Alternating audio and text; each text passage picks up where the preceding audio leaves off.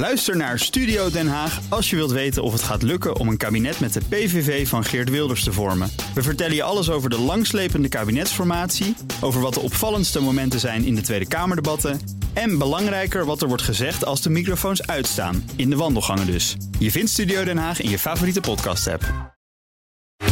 Tech Update. Met Connor Klerks. Hey Connor. Hey, goedenavond. Ja, chaos in de cryptowereld. De overname van FTX door concurrent Binance staat op losse schroeven. En gisteren hadden we het daar nog over. Ja, Was inderdaad. het groot nieuws? Ja, het is een bijzonder verhaal dat ook eh, bijzonder snel lijkt te ontsporen eigenlijk. Gistermiddag inderdaad kwam ik eh, hier naar binnen met best wel groot nieuws. Want Binance, de grootste cryptobeurs ter wereld, maakte bekend dat zij een afspraak hadden gemaakt om hun grootste concurrent FTX over te nemen. Moet je een beetje vergelijken met een ING die de Rabobank of ABN wil overnemen, maar dan op wereldniveau. Hmm. Dus echt internationaal de grootste twee spelers. Ja, FTX ligt onder vuur sinds vorige week omdat ze nogal wat liquiditeitsproblemen bleken te hebben. En toen dat nieuws naar buiten eh, kwam, verkocht Binance al hun positie in dat bedrijf. En dat zorgde eh, een, soort van eh, voor een dreiging van een bankrun. En de oprichter, Sam Bankman-Fried van FTX, die eh, zou bij FTX, maar ook bij zijn andere bedrijven, naar buiten toe zijn zaken eigenlijk veel rooskleuriger eh, voor doen dan eh, dat het daadwerkelijk was. Want achter de schermen bleek het financieel dan toch wel een beetje een rommeltje. Nou ja, de koers van de crypto-token van FTX, FTT, die kelderde. En andere crypto zitten vandaag ook flink in de min. Maar zojuist komt dus binnen dat Binance mogelijk van die overname af wil zien. Na minder dan een dag onderzoek in de boeken van FTX. En dat zou kunnen betekenen dat de klanten van FTX, die gered zouden worden eigenlijk door deze Ja. overname, alsnog hun, hun geld kwijt kunnen raken. Ehm, ja, het is eh, nogal een West. zwarte dag ook op de, de eh crypto-beurzen. Als je kijkt bij CoinMarketCap bijvoorbeeld, hoe het grosso modo gaat met cryptovaluta momenteel niet goed. Ehm, en ondertussen komt ook nog eens binnen via Bloomberg dat de Amerikaanse beurswaakhonden, FTC en ook de SEC, onderzoek gaan doen naar FTX en naar de andere bedrijven van die oprichter van Hmm. Sam Bankman-Fried. Om te kijken of die wel volgens de regels is omgegaan met het geld van zijn klanten.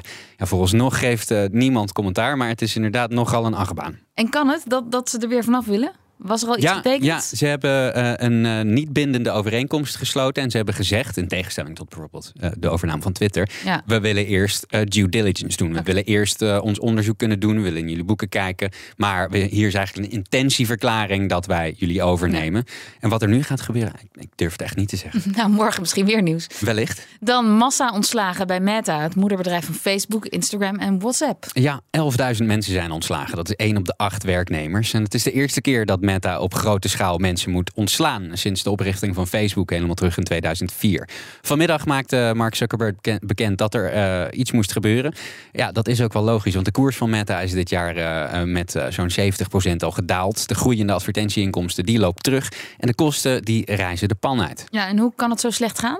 Ja, in die brief die hij aan het personeel heeft gestuurd, die online staat, schrijft Mark Zuckerberg dat de enorme boost die het bedrijf kreeg in de pandemiejaren, doordat wij dus allemaal eh, veel meer online deden en ook veel meer online kochten, dat hij dacht dat die permanent zou zijn en dat dat niet zo gebleken is. Ja, nogal een inschattingsfout kun je zeggen.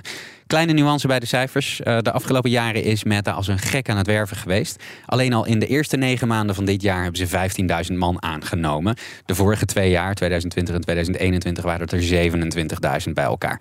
Maar ja, voor die 11.000 mensen die ontslagen zijn, is dat nog nog steeds, wel heel slecht nieuws. Ja, en dan nog eh, kort nieuws over Twitter. En het heeft te maken met de kleuren blauw en grijs. Ja, als je het over achtbanen wil hebben, Liesbeth. twee uur geleden. Het was twee uur geleden hè, dat ik hier binnen kwam lopen om je te vertellen over de uitrol van een nieuw verificatiesysteem op Twitter. De grijze vinkjes. Dat was de vervangende manier om gebruikers van belang aan te merken als echt wie zij zijn. Denk politici, grote media, grote beroemdheden.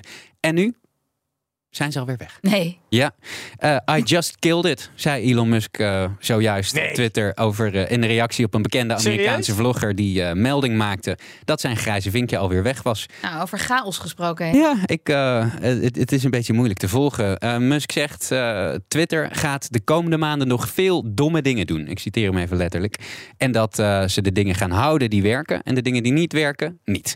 Ja, hoe het nou verder moet met uh, het hele concept van mensen verifiëren. Om dus nepnieuws tegen te gaan. Om dus te voorkomen dat iemand zegt dat hij Joe Biden is en de oorlog verklaart aan uh, Rusland. Ik noem maar even, even wat.